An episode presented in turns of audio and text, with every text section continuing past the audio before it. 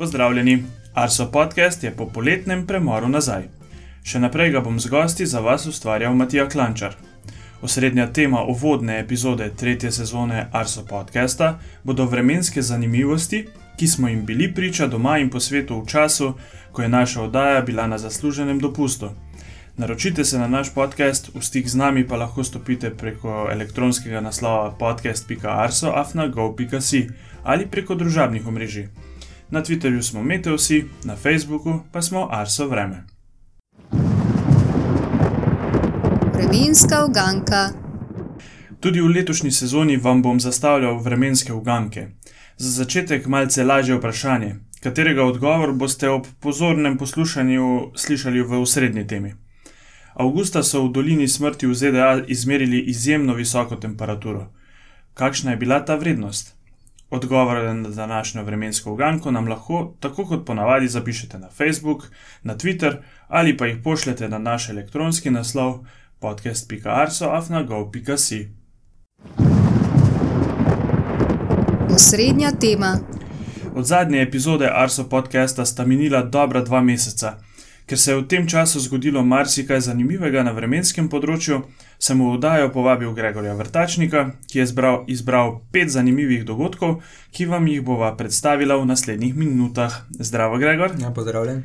Uh, Izbral si pet zanimivih dogodkov letošnjega poletja, predlagam pa, da najprej pregledava dogodke po svetu in na to zaključiva doma. Kljub temu, da letošnje poletje v Sloveniji ni bilo najtoplejše, tega ne moremo trditi za veliko območij drugot po svetu. Zlasti konec junija in julija smo tudi v naših medijih lahko brali in poslušali o vročini in požarih v Sibiriji. Vremensko dogajanje v Sibiriji je nenavadno že od uh, zadnje zime. Tako zima kot pomlad sta bile v večjem delu Sibirije izredno tople. Uh, potem pa sledilo vroče poletje, uh, pri čemer pa so si bili posamezni meseci kar uh, precej različni. Uh, juni je bil zelo vroč, zlasti na, sever, na severu Rusije, marsikje je bil 4 stopinje ali več toplejši od dolgoletnega poprečja, uh, nasprotno pa je bilo okrog Urala dokaj sveže vreme. Uh, julija je bilo zelo toplo na arktični obali Rusije, se pravi na skrajnem severu, drugot v Rusiji pa bilo, uh, so bile vremenske razmere bolj običajne. Augusta pa je se je težišče vročine preselilo na zahodni del Sibirije in obalo Arktike, sveže pa postalo v severovzhodnem delu Rusije, uh, zlasti proti Kamčatki. Uh, zaradi zelo dolgotrajnega, toplega vremena, zlasti na severu Sibirije in pa tudi v okoliških morjih, se je morje v obruski obali, že v arktičnem območju, močno segrelo, zlasti na atlantski strani, kjer v zadnjem mesecu dni beležimo odklone tudi več kot 4 stopinje nad dolgoletnim poprečjem. In povezavi s tem, uh, morda najbolj stopajoče uh, vreme na otoku Vize, globoko v Severnem morju, na 80 stopinjah severne geografske širine. Tam je že od 14. augusta pa vse do včeraj, pa verjetno bo še kakšen dan, rekordno toplo, se pravi, vsi dnevi doslej so bili v zadnjih treh tednih toplejši od prejšnjih dni za ta datum v letu, kar je res nenavadno. Uh, sicer je tam vreme sveže za, za naše pojme, namreč uh, najvišja temperatura zraka dosega avgusta tam okrog 5 stopinj Celzija v letošnjem letu. Uh, običajno pa se temperatura, poprečna temperatura giblje okrog nič ali malo nad nič. Letos pa seveda, ker je toplo vreme povzročilo hitro krčenje morskega ledu, se je morje uh, precej segrilo, no in to je zdaj posledica tega vremenskega dogajanja že iz junija in julija. Če pa gremo bolj v notranjost celine, v, v Sibirijo, eh, znanje, najbolj znano je verjetno poročanje iz medijev o vročinskem valu v Verhojansku. To je, kraj, to je najhladnejši naseljeni kraj, poleg Ojmjakona v, na severnem delu eh, Zemlje in sicer tam je rekord minus 68 stopinj Celzija.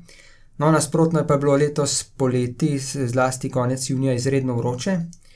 20. junija so tam namerili 38 stopinj Celzija. No, in kar je zdaj zanimivo, najbolj zanimivo, ni sama številka, ampak dejstvo, da ima sedaj ist, ista po, vremenska postaja znotraj arktičnega kroga rekord tako v najvišji kot najnižji izmerjeni temperaturi. Razlika med obema izmerkoma znaša 106 stopinj Celzija, kar je seveda tudi svetovni rekord. Uh, podobna vročina kot letos, konec junija, je bila na zadnje tam julija leta 88, ko se je segrelo na dobrih 37 stopinj. Uh, je pa zanimivo, da če junij tam bil zelo topel, 6 stopinj toplejši od dolgoletnega poprečja, to je bil najtoplejši junij v zgodovini meritev.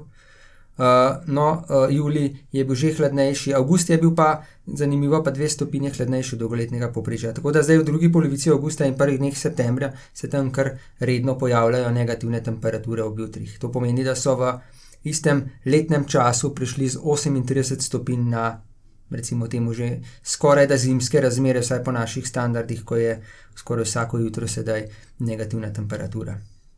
Uh, zdaj pa če pustimo te.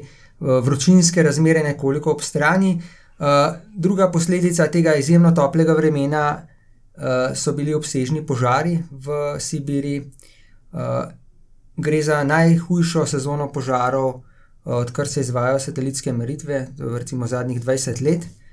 In sicer naj bi požari spustili v zračje več kot 500 milijonov ton ugljikovega dioksida samo v letošnjih poletnih mesecih.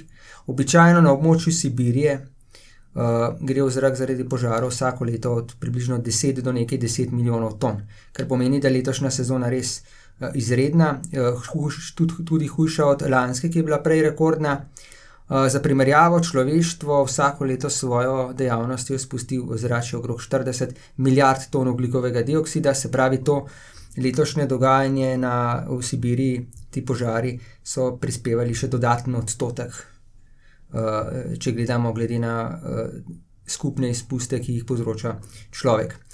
Večinoma so bili ti požari od konca junija pa do začetka avgusta, potem se je dogajanje močno umirilo.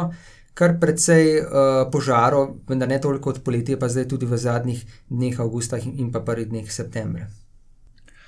Če nadaljujeva z vročino, letos poleti je bilo doseženih v azijskih državah, pa tudi v ZDA, kar nekaj absolutnih temperaturnih rekordov. Kje vse so izmerili rekorde in kako visoko so se temperature povzpele? Ja, številni narodi, oziroma v številnih državah po Aziji, zlasti v južnem in vzhodnem delu, so imeli uh, izredno vroče poletje, ali pa vsaj posamezni dnevi so bili izredno vroči.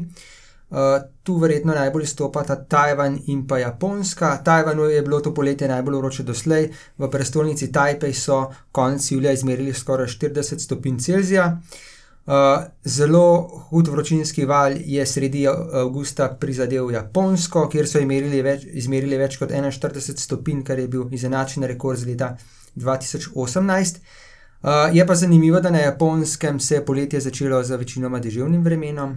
Eh, to deževno, nadal, eh, deževno vreme nadaljevalo v prvo polovico julija, zlasti na zahodu Japonske.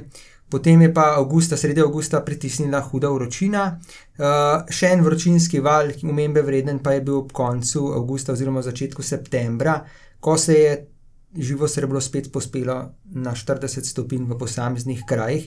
Tako da je bil tudi začetek meteorološke jeseni tam rekordno vroč.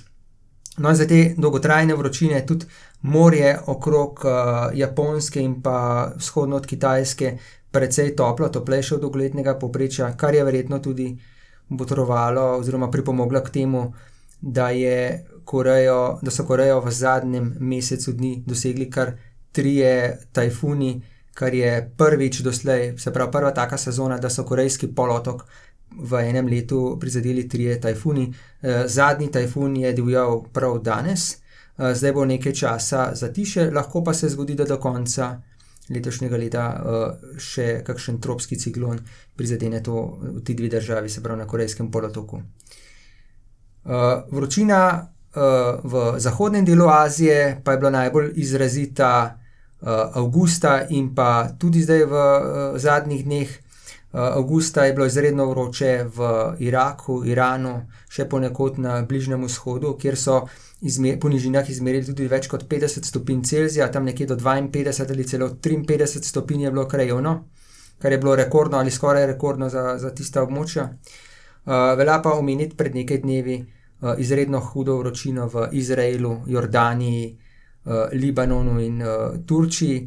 V Jeruzalemu so izmerili skoraj 43 stopinj, kar je tudi doslej najvišja temperatura izmerjena v tem mestu. Ne. To je zanimivo, da, je, da rekordi v nekaterih državah Bližnjega vzhoda, oziroma nekaterih krajih Bližnjega vzhoda, niso iz poletnih mesecev, mesecev meteorološkega poletja, temveč so postavljeni septembra.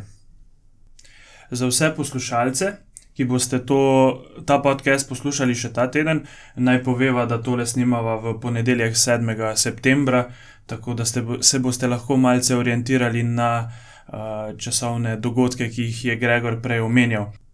Uh, lepo si povzel te absolutne temperaturne rekorde v Aziji, kaj se je pa dogajalo v ZDA?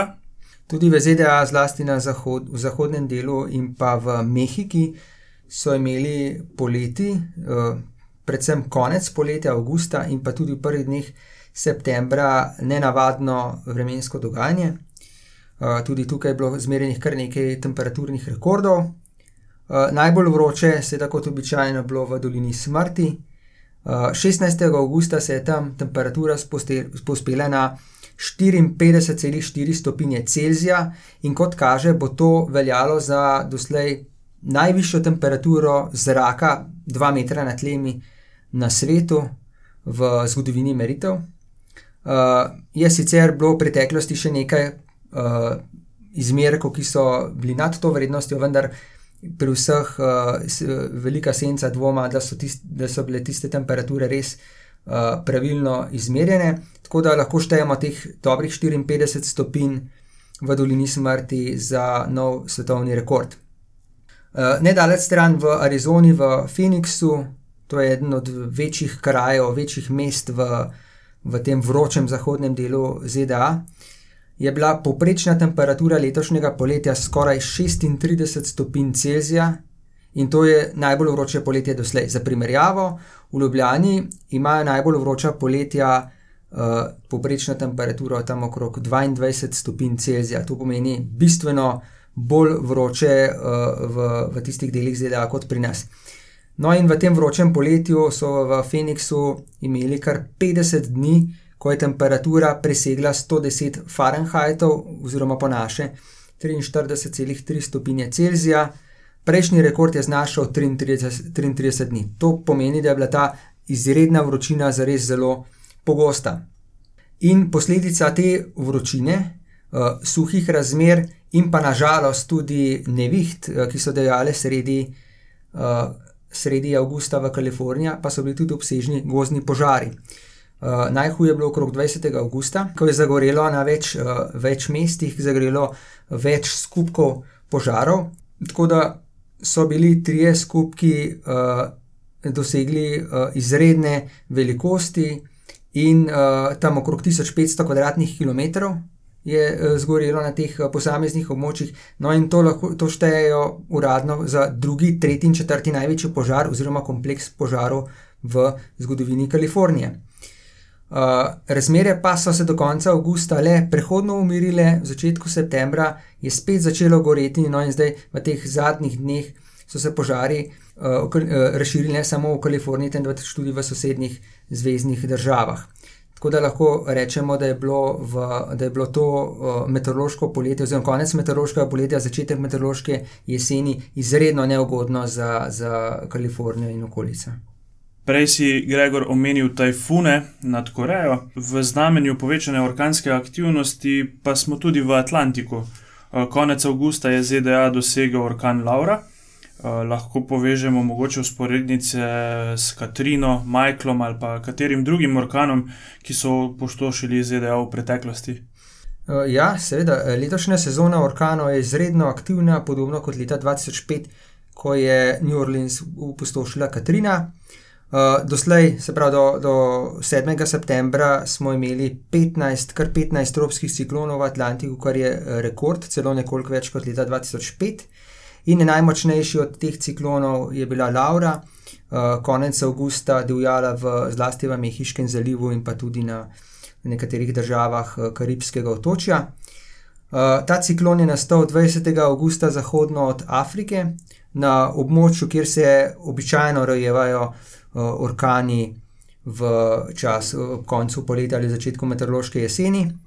No, in kot je običajno, je ta ciklon potoval proti zahodu, prek Karibov, se pravi otokov Hispaniola in pa Kuba, in na to zavil v Mehiški zaliv. Uh, 29. augusta pa je uh, orkan kot uh, orkan razpadel, oziroma oslabil najprej tropski vihar, tem potem v tropsko depresijo v notranjosti ZDA. Zdaj, najbolj zanimivo dogajanje je bilo od 25. do 27. augusta. Uh, takrat se je orkan pomikal prek Mehiškega zaliva in se je zelo hitro okrepil iz tropskega viharja v orkan četrte stopnje in je največjo moč dosegel tik pred prihodom na kopno v Luzijani. Uh, veter je dosegel hitrost 240 km/h, to je največja ocenjena hitrost, eno minutno poprečje hitrosti, medtem ko so posamezni sunki bili še močnejši. Uh, po hitrosti vetra je to za najmočnejši orkan v Luzijani uh, v zadnjih 150 letih. Uh, po doslej zbranih podatkih naj bi povzročil vsaj 31 mrtvih na Haitiju in pa 29 mrtvih v ZDA. To pomeni, da bil veliko manj smrtonosen od Katrine, tudi škoda za enkrat ocenjena, uh, škoda se pravi za zavarovane objekte, znaša vsaj 9 milijard dolarjev, je bistveno nižja od tiste, ki jo je povzročila Katrina, kjer je bilo škode precej nad 100 milijard dolarjev. Uh, srečni ta orkan ni zadev nobenega od večjih uh, mest, recimo od Houstona ali uh, New Orleansa, zato tudi uh, manjše posledice. Uh, najmočnejši veter, ki so ga izmerili na kopnem ob prihodu tega orkana, je bil vsaj uradno na postaji Lake Charles v Louisiani, kjer je poprečna hitrost vetra dosegla 153 km/h, najmočnejši sunek pa 212 km/h. No, in tam uh, blizu, tega, uh, blizu te postaje stoji meteorološki radar, ki so ga ti močni sunki vetra uh, odpihnili. Tako da je od, uh, od radarja ostal samo, samo ta nosilna konstrukcija, medtem ko uh, uh, sam radar skupaj z zaščitno kupolo odneslo in uh, razbilo. Zanimivo pri tem orkanu je, da na začetku kazalo, na začetku so meteorološki modeli kazali, da bo dosegel Florido, potem pa, ko je orkan dosegel, oziroma ko je ta tropski vihar dosegel uh, Karibe, so se meteorološki modeli začeli nagibati k temu, da bo potoval približno prek sredine Mehiškega zaliva in zadev ali Luzijeno ali pa vzhodni del uh, Teksasa. No, in če, če so bili na začetku, če je bila na začetku negotovost zelo velika, pa je uh, uradna napoved, ki jo izdaja ameriški center za orkane v Miamiju, uh, uh, bil za dva ali tri dni naprej izredno točen pri tem, kje bo ta orkan udaril na, na kopno. Zanimivo temperaturno dogajanje pa so konec avgusta izmerili tudi v Južni Ameriki. Kaj pa se je dogajalo na tem koncu sveta? Ja, v Južni Ameriki, zlasti v Argentini, Paragvaju, Boliviji in pa tudi delu Brazilije, je bilo v zadnji dekadi avgusta, to je pri njih konec meteorološke zime, Uh, v enem tednu so imeli združene tako poletne kot zimske razmere. Uh, najprej uh, je prišla močna ohladitev z viškom, uh, z viškom 21. ali 22. avgusta na uh, postaji Urubiči na jugu Brazilije, ki leži na 1800 metrih nadmorske višine. Uh, so, je se temperatura spustila na minus 8 stopinj Celzija in se tudi čez dan ni povzpela nad ničlo. Uh, glede na to, da je ta uh, kraj kar relativno blizu ekvatorja, je, je to kar za, za izredne vrednosti. Zanimivo je, da ta ohladitev segla skoraj do ekvatorja, kar se zgodi morda vsakih nekaj let. Ni pa bila tako izrazita kot recimo julija 1975, ko gre za verjetno edini, edini znani primer, ko je ohladitev v Južni Ameriki segla čez ekvator in sicer do Trinidada in Tobaga. Uh, običajno ohladitve iz uh, zmernih geografskih širin, tako na severni in južni polobli, sežejo kvečemu do subtropskih krajev, ne pa do, do ekvatorialnega pasu. Tako da gre za, za uh, precejšno posebnost. Um, v Asuncionu, uh, prestolnici Paragvaja, so imeli ob tej ohladitvi najnižjo temperaturo 1 stopinjo Celzija 22. augusta.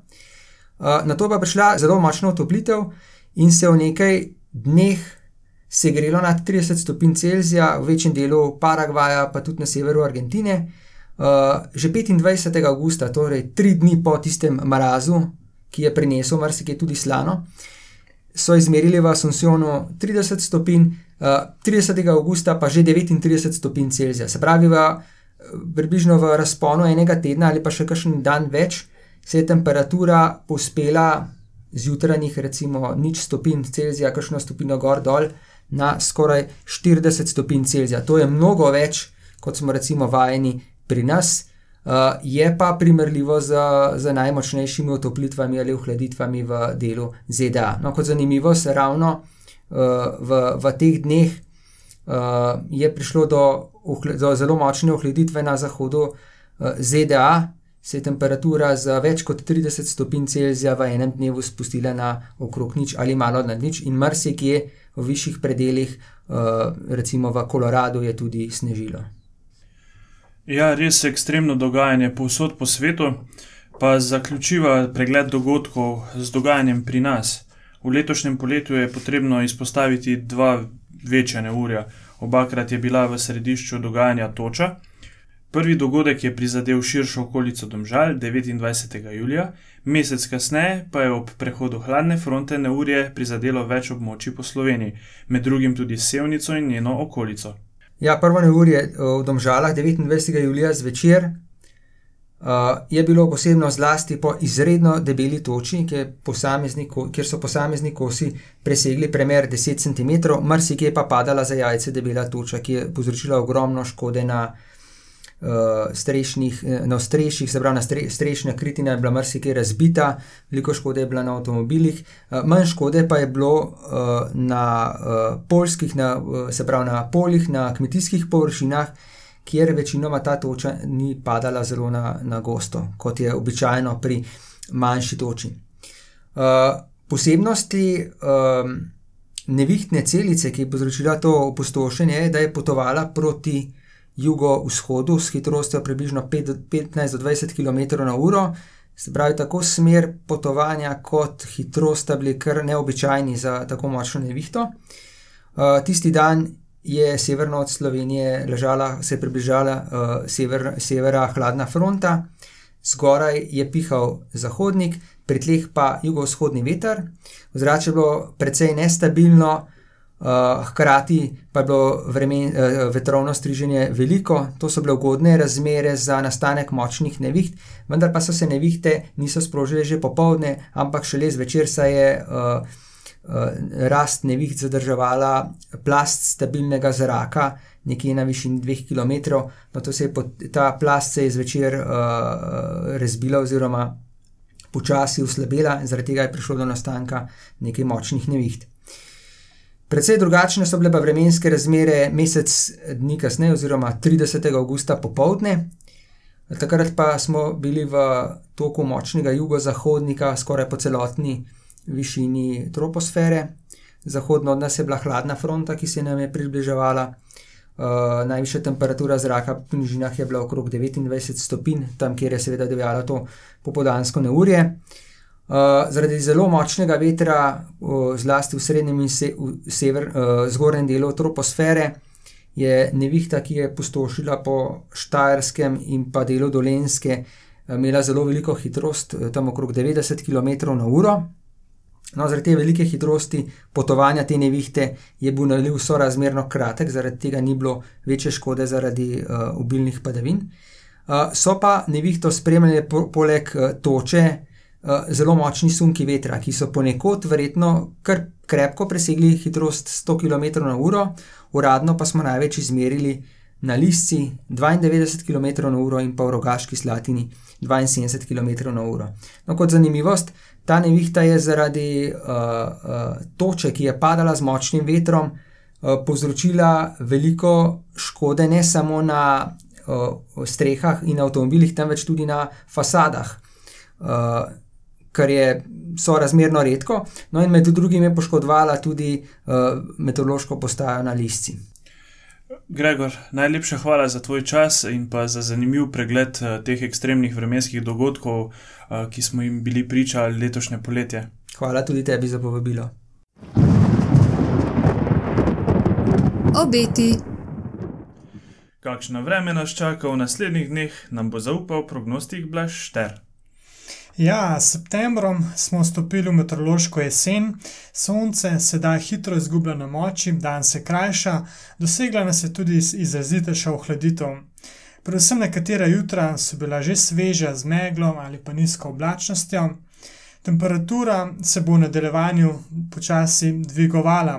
V začetku tega tedna nas je od severovzhoda znova preplavil hladnejši zrak. Predvsem na severu, na Gorenskem in Koroškem so bile tudi obilnejše padavine, druge pa je ohladitev prenesla večinoma le oblačnost. Sončno vreme pa je bilo na primorskem, kjer je pihala burja.